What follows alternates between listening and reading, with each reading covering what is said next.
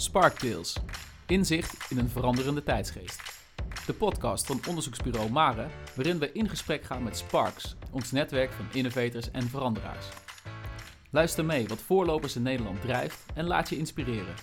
Iedere Sparktale zoomt in op een relevante maatschappelijke trend, waarbij we ook ingaan op kansen voor merken en organisaties.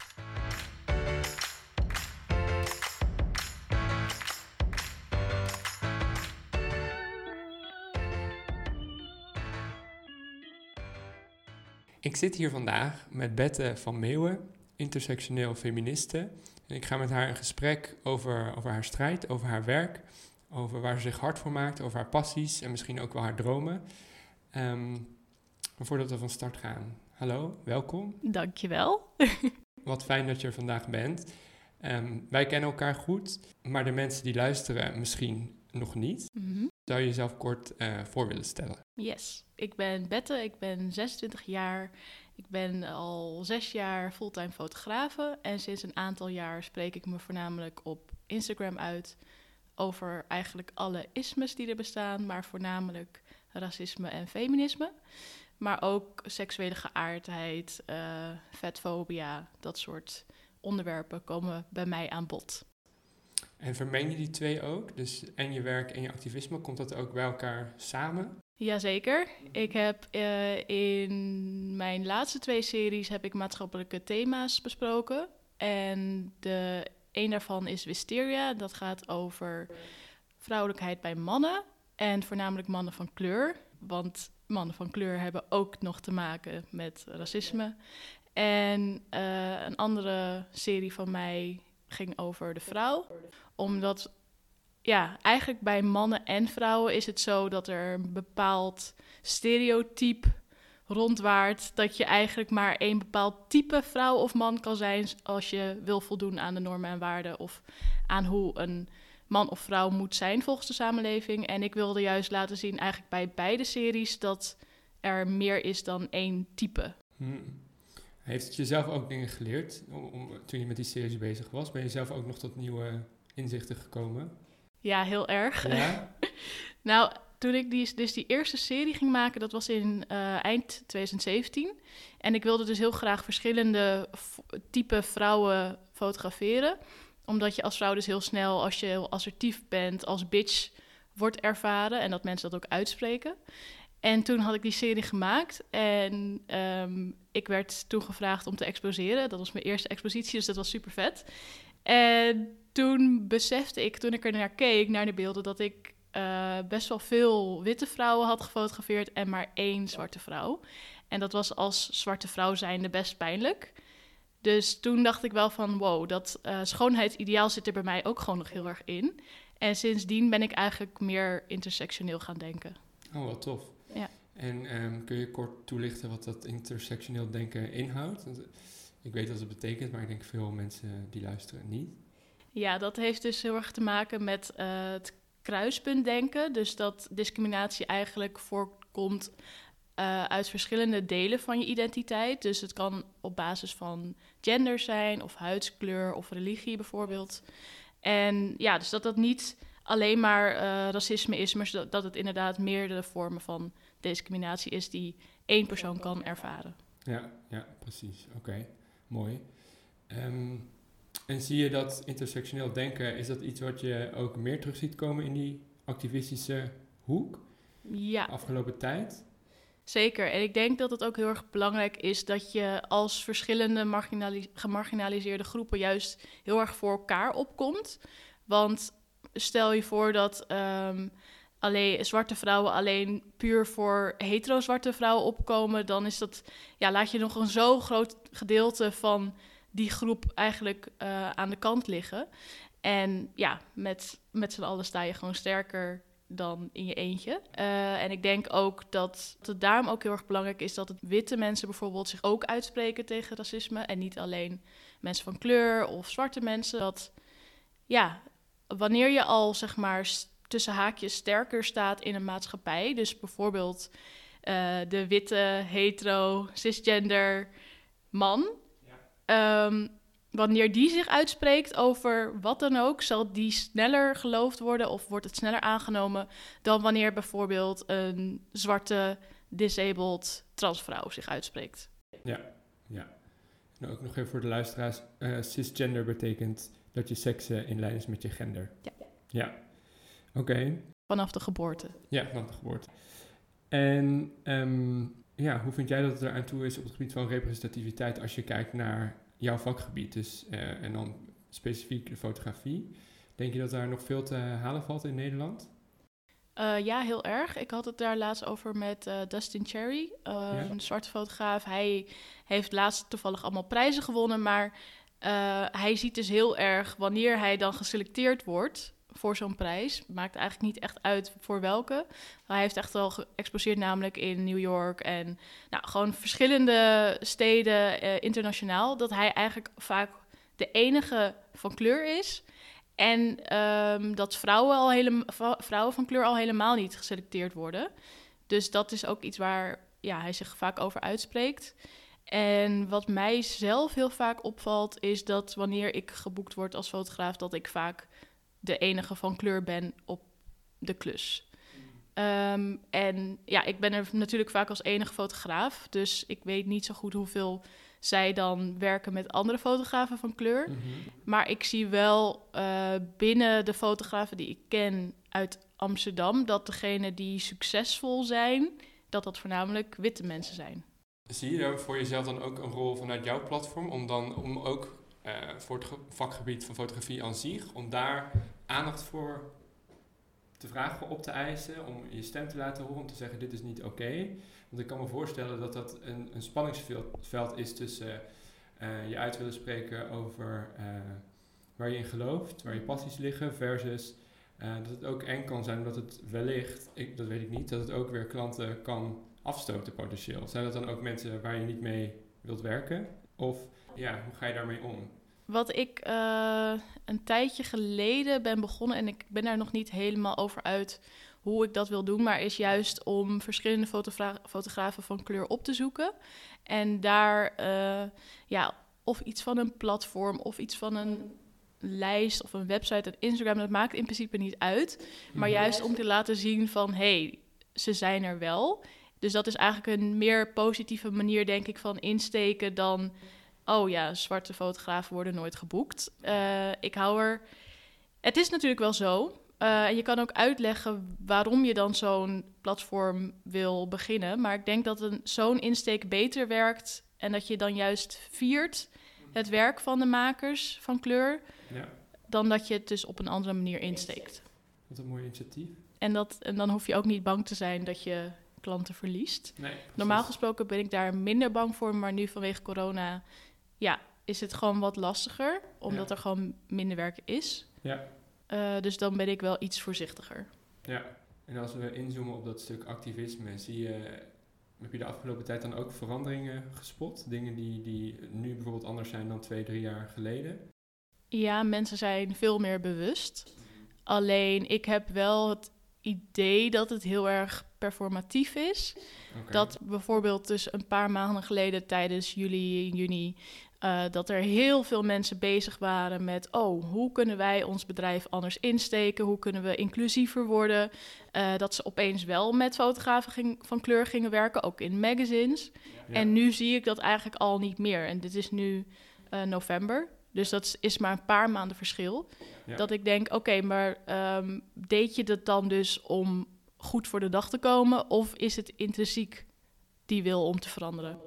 Want wat betekent performatief? Performatief betekent dat eh, een werkwoord dat tot doel heeft om de verandering in de wereld teweeg te brengen, door te representeren als zijnde veranders. Dus dan laten zij zien van kijk, wij werken met deze en deze mensen van kleur, we zijn inclusief, eh, we weten wat er speelt. En ehm, daardoor doen zij lijken alsof, het, alsof zij al inclusief zijn, terwijl over een paar maanden boeken ze die mensen niet meer en dan is er eigenlijk dus niks veranderd. Dus ze doen het alleen voor de buitenwereld. Is het dan ook te vergelijken met pinkwashing, femwashing, greenwashing? Ja, zeker. Ja, helaas wel. Ja. Want het is hetzelfde inderdaad tijdens Pride. eh, Heeft iedereen opeens regenboogvlagjes Ja. op zijn account. En eh, is het logo veranderd in een vlag. En dan, nou, zelfs soms letterlijk de dag na Pride is het al weg. En dat kan, ja, ik vind dat af en toe best wel pijnlijk. Want ja, een vlag, eh, dat verandert niks. Je moet echt binnen je eh, werk, werkomgeving, werksfeer kijken of jij al redelijk veilig bent voor queer mensen om daar überhaupt te solliciteren.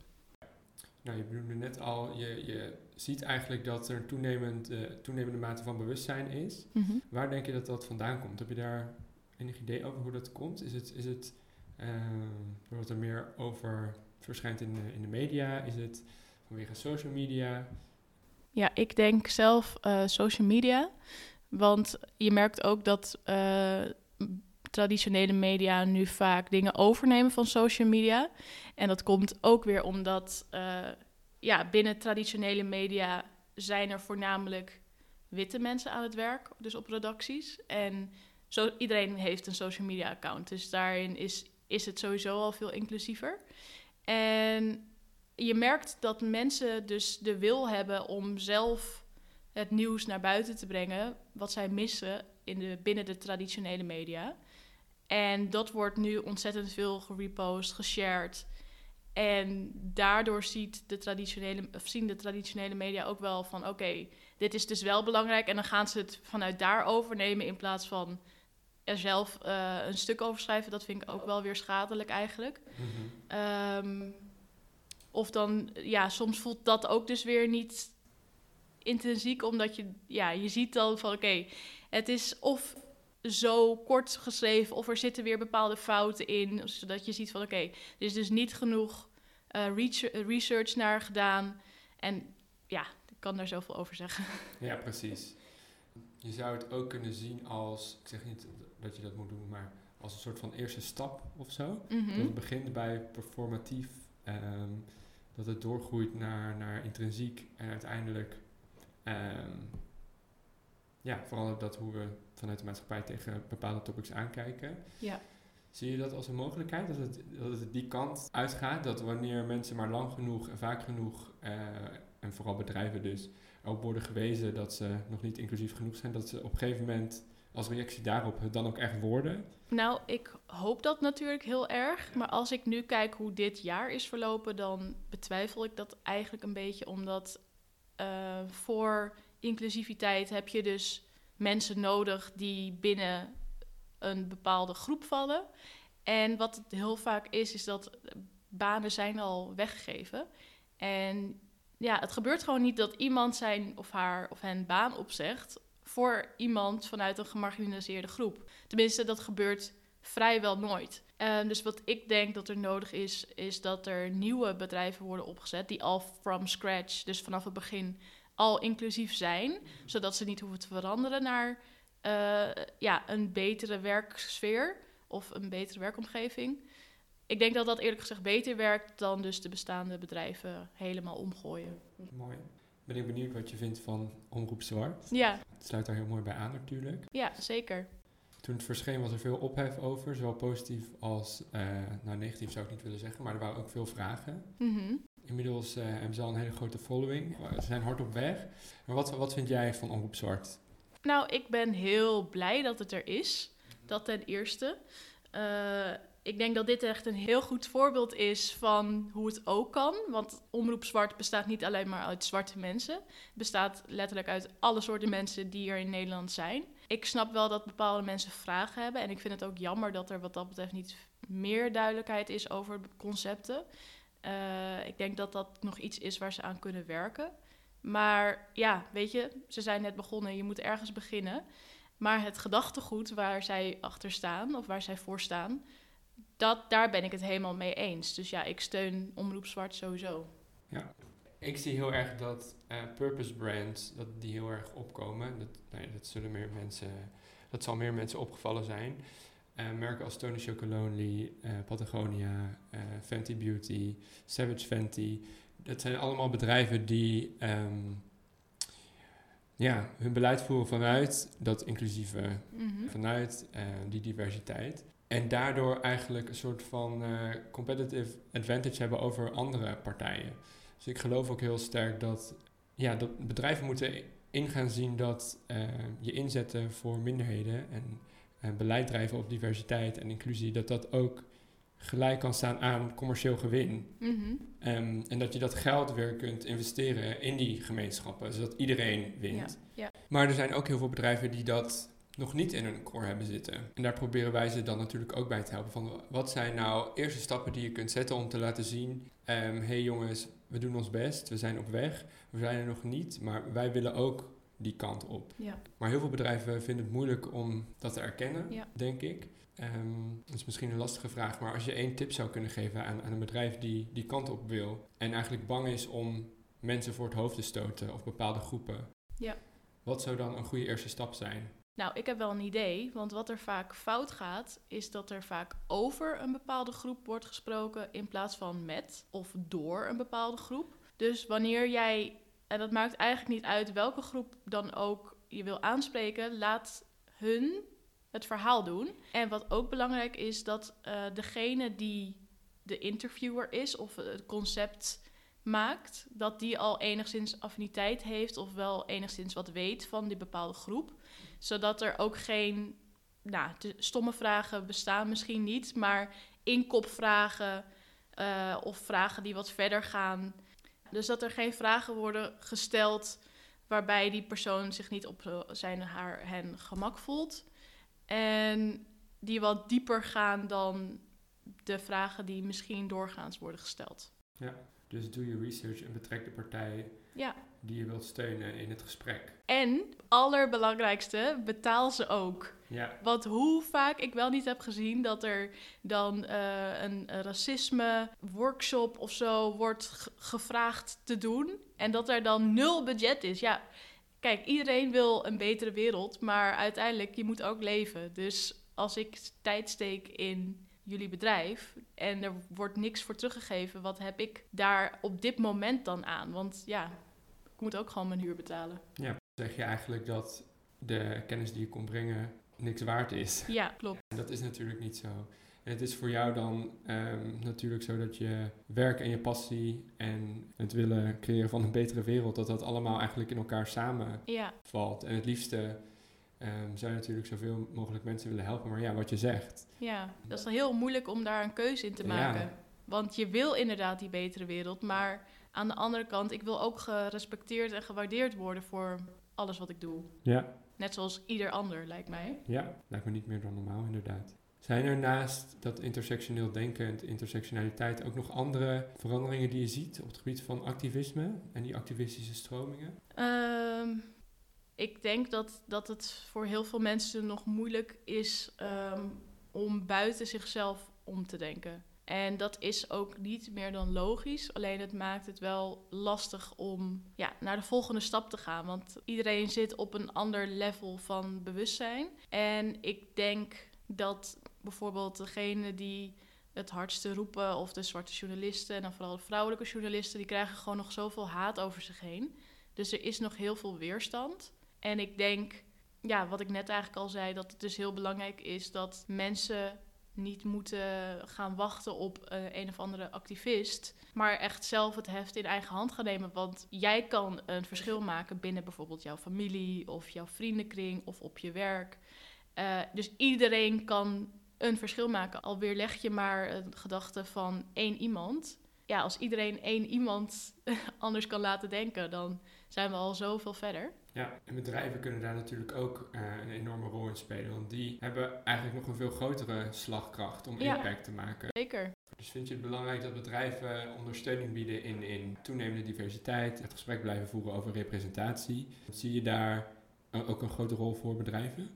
Ja, zeker. Want zij maken, als je kijkt naar media en dan in dit geval bijvoorbeeld reclames, maken zij ook een heel groot deel uit in de representatie die wij allemaal zien. En ik zou het denk ik fantastisch vinden als er bijvoorbeeld per bedrijf een aparte afdeling of in ieder geval een groepje mensen zou zijn die daar echt op hamert, die daar ja, op toeziet dat het ook letterlijk gebeurt. En dat dat niet dan de enige persoon van kleur van het bedrijf is die daar altijd op moet letten. Want dat is gewoon te zwaar, dat is niet te doen. Dus dat ook die groep met mensen die daar op toe zit, moet dus weer inclusief zijn. En er mag natuurlijk ook een wit persoon bij zitten, want die kan dan alleen maar daarvan leren. Andere mensen die kennis weer doorgeven. Mhm. Zeker is dat belangrijk. Juist omdat, omdat zij ook het geld hebben. Ja, ja, precies. En waarom denk je dat representatie zo belangrijk is? Dat is belangrijk omdat wat je ziet van een bepaalde groep mensen, dat ga je ook geloven. Dus ik heb bijvoorbeeld nooit, als ik aan een dokter denk, denk ik automatisch aan een man. Als ik, uh, en dan ook nog een witte man. Dat zit in mij gebakken. En ik denk, nou, ik kan eigenlijk zeker weten dat dat voor heel veel mensen is. En dan ben ik nog iemand die daar bewust van is. Maar als je je daar niet bewust van bent, dan ga je daar ook naar handelen. En dat is dus ook een van de redenen waarom het zo belangrijk is om inderdaad iedereen gerepresenteerd te zien. Ja, het is misschien een persoonlijke vraag, maar ik denk dat veel mensen daar iets van kunnen leren. Hoe ben jij je daar bewust van geworden? En daardoor, hoe zouden andere mensen ook de ogen kunnen openen? Uh, ik ben me daar bewust van geworden, dus door die serie die ik heb gemaakt. Um, en dat me toen dus inderdaad letterlijk opviel hoeveel witte vrouwen ik had gefotografeerd en hoe weinig mensen van kleur.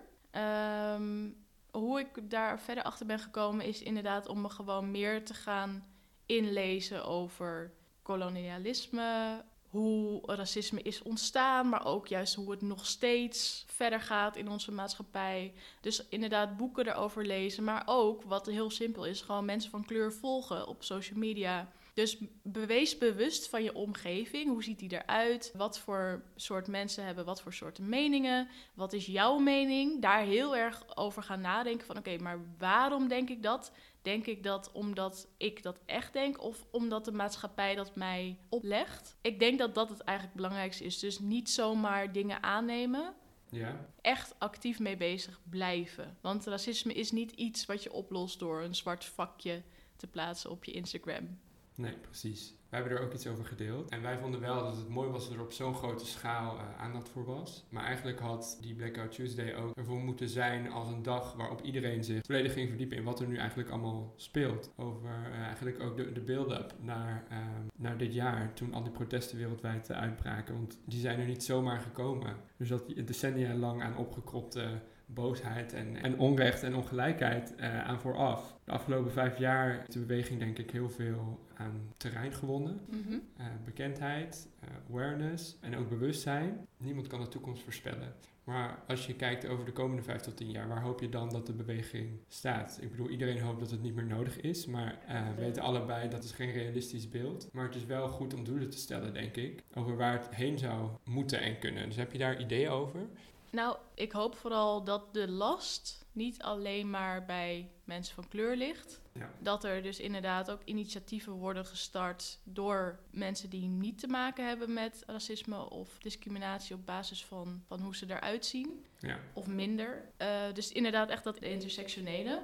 En dat, je, ja, dat er samen wordt gewerkt aan een betere toekomst. In plaats van dat degene die de onderdrukking voelt, daar ook nog eens tegen moet vechten. En per bedrijf is denk ik zo'n zo'n aparte groep met mensen is gewoon nodig. Die wanneer er een campagne wordt bedacht, dat er altijd, ligt er natuurlijk aan hoe groot het bedrijf is, maar dat er altijd wel twee of drie mensen zijn die kunnen voorkomen dat er uh, een blackface wordt gebruikt. Dus dat fouten worden voorkomen in plaats van dat je achteraf gezegd moet worden: oh, dit kon echt niet. Ja. Dat hoop ik vooral. Ja, en ook misschien dat uh, gevoeld wordt dat racisme een probleem is gecreëerd door witte mensen, mm niet andersom. Ja. En dat witte mensen uh, nou ja, de veroorzakers van het probleem ook degene zijn die, ja, die nodig zijn om het probleem ook weer op te lossen. Ja. Um, dus dat hoop ik ook heel erg. Denk je ook dat corona impact heeft gehad op uh, alles wat er speelt? Ja, zeker. Want toen was de lockdown volgens mij nog gaande. Uh, dus iedereen zat thuis. Je had sowieso veel meer tijd om op je telefoon te zitten. Uh, er was gewoon meer ruimte om na te denken, omdat er niet zoveel haast was van de orde van de dag. Alles ging een stuk langzamer. Dus ik denk dat daardoor ook pijnlijke beelden veel meer binnenkwamen. Alleen ik merk dus nu al, nu alles wat meer loopt, dat dat alweer veel minder wordt. Dat mensen er eigenlijk bijna niks meer over delen. Ja, En dat, dat mensen van kleur, dat die eigenlijk al zo emotioneel moe zijn van het constant weer op moeten brengen. Dat er dus best wel weinig mensen overblijven die wel die actie ondernemen. Je hebt net al twee, uh, allebei je, je expos, uh, hebben het over gehad, over je eigen werk. Ik wil graag inzoomen op de eerste daarvan en hoe je eigenlijk op het idee bent gekomen om dat te gaan doen. Om je kunst en je activisme dus met elkaar te verbinden mm -hmm. uh, en je ook op die manier uit te spreken. Kan je ons meenemen in je gedachteproces daarachter? Ja, zeker. Nou, voor dat moment werkte ik eigenlijk alleen maar commercieel. Dus een klant huurde mij in, ik fotografeerde, ik leverde het af. En zo ging het door. En ik merkte dat qua creatieve vrijheid, dat ik me daarin best wel in een hokje gedrukt voelde. En dat ik heel erg zin had om gewoon iets te maken voor mezelf. En ik had dus nooit verwacht van tevoren dat er een expositie uit zou komen en dat er interviews uit zouden komen. Uh, dus ik heb dat zeker niet gedaan vanuit een activistisch oogpunt. Dat kwam pas later. Toen ik dus besefte dat er uh, veel meer mensen met dezelfde ideeën rondlopen die ik ook heb. En toen ik dat dus merkte, dacht ik: wow, oké, als dit zo is, dan moet ik daar meer mee gaan doen. En zo is dat eigenlijk gelopen. Mooi. Mensen zeggen vaak dat kunst verbindt. Geloof je ook dat jouw kunst verbindt en het werk wat je doet? Um, ik vind het moeilijk om over mezelf te zeggen, maar bijvoorbeeld een avond die ik heb mogen organiseren in het AI Filmmuseum, waar dus uh, Wisteria, de serie over vrouwelijkheid bij mannen, hing. En ik daar ook uh, echt een avond heb mogen cureren met een, gewoon een programma, dus een documentaire, een paneltalk, uh, optredens en dan dus mijn serie omdat dat echt een fysieke avond was, waarin mensen vanuit de doelgroep, maar ook juist die helemaal niks met het onderwerp te maken hadden, daarheen gingen, zag ik letterlijk dat we allemaal samen kunnen zijn. En dat iedereen naast elkaar mag bestaan, ook al zie je er totaal anders uit. Uh, dus ja, op die avond zeker. Um, op die avond kwam er een witte hetero vrouw naar mij toe. En die zei toen tegen mij: Oh, ik heb me eigenlijk nooit gerealiseerd dat zwarte mannen ook homo kunnen zijn. En toen dacht ik, nou, dit is dus precies wat representatie met iemand kan doen. Als je het gewoon nooit ziet, dan denk je er niet aan. Of het komt niet in je op. En ik vond dat heel fijn dat die realisatie dus bij haar was gekomen vanwege die avond. En ik vond het heel fijn dat er mensen waren, nou ja, die zich dus man voelen. En die daar met make-up en met hakken heen durfden te gaan. Omdat dat in tussen haakjes de normale wereld dus wordt afgestraft. En ze dat daarom ook vaak niet doen. Daar was ik wel trots op. Ja, kan ik me voorstellen. Zijn er ook topics voor jou die off-limit zijn? Want je bespreekt eigenlijk heel veel verschillende onderwerpen van nou ja, racisme tot aan liefde, tot seks, tot aan feminisme, vruchtbaarheid zelfs. Nou, waar ik wel een stop trek is wanneer ik bijvoorbeeld word gevraagd echt voor een panel talk. En ik moet over iets praten waar het dus niet over mij specifiek gaat. Dus bijvoorbeeld, ik werd laatst gevraagd voor een panel. En toen hadden ze gevraagd of ik ook over body positivity iets zou kunnen zeggen. En toen heb ik dus gezegd, nou, dat kan ik wel zeggen, maar ik vind het niet mijn plek om dan als een persoon waarbij mijn gewicht geen uh, basis is van discriminatie, om daar dan iets over te gaan zeggen. Dan heb ik liever iemand waarbij dat wel het geval is, dat die er dan gaat zitten ja, dat vind ik gewoon veel eerlijker en ik voel me daar zelf niet fijn bij. Uh, we hebben het gehad over activisme, over je vakgebied en over de komende vijf tot tien jaar. Mm -hmm. Waar zou je jezelf graag zien in de toekomst? Ik zie mijzelf wel in eerste plaats echt als fotograaf. Uh, en een fotograaf die dus topics bespreekt in haar werk. En dat wil ik graag blijven doen, maar ik wil ook graag meer richting fashion, in de fotografie. Uh, het lijkt mij heel leuk om wat grotere campagnes, grotere merken, om daarmee te gaan samenwerken. Want dan kan ik ook vanuit die positie ook weer tips geven over of de modellen of het team wat, wat de campagne maakt, creëert. Um, dus ik denk dat ik op verschillende vlakken wel impact wil maken, maar het liefst wel met mijn fotografie. Ja, mooi. Zijn er nog uh, merken of organisaties waarvan jij denkt, van hen heb ik echt een hoge pet op? Ik vind dat zij het goed doen. Um, ik vind dat zij een voorbeeldfunctie uh, zouden kunnen hebben voor andere partijen. Nou, ik vind het heel moeilijk. Ik heb bij heel veel bedrijven heb ik zoiets van ja, je kan nu wel zeggen dat je bepaalde stappen gaat ondernemen, maar ik wil dan liever weten hoe het ervoor staat over een jaar. Maar ik vond bijvoorbeeld uh, Zalando had wel een hele mooie post gemaakt over inderdaad de stappen die zij gaan nemen. Ik weet niet meer precies helemaal wat erin stond. En Adidas had het ook gedaan. Mhm. Maar ja, dan kan je je weer afvragen: oké, goed, maar hoe duurzaam zijn die bedrijven dan? Dus het is, ik vind het heel moeilijk. Uh, je kan in principe altijd wel iets opmerken aan een bedrijf. En vind je dat goed, die call-out culture? Uh, ik vind het wel goed, want ik denk dat call-out culture komt van een plek van caring.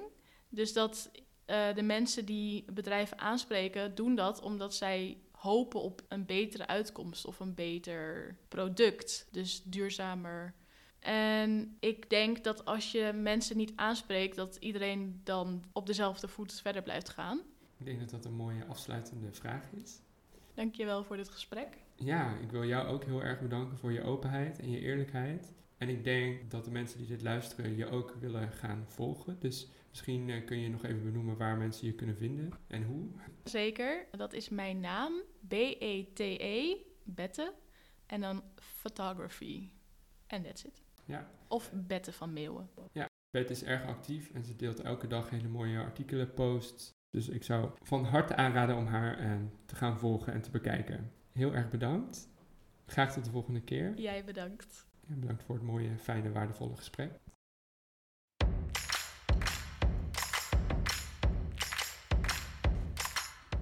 Hopelijk inspireert deze Sparkdeel om je nog meer te verdiepen in alle isms die er zijn. Vind hierin je eigen standpunt als organisatie en merk. Het is hierbij belangrijk om niet te veel performatief bezig te zijn en samen te werken met de groep waar het om gaat. Blijf het gesprek voeren. Niet over, maar met. Stay tuned voor de volgende Sparktail met Dennis Fink, waarin we het onder andere gaan hebben over zijn pas gelanceerde platform met inspiratie voor een vegan en duurzame lifestyle, dierenrechten en de Pride-route in Diergaarde Blijdorp.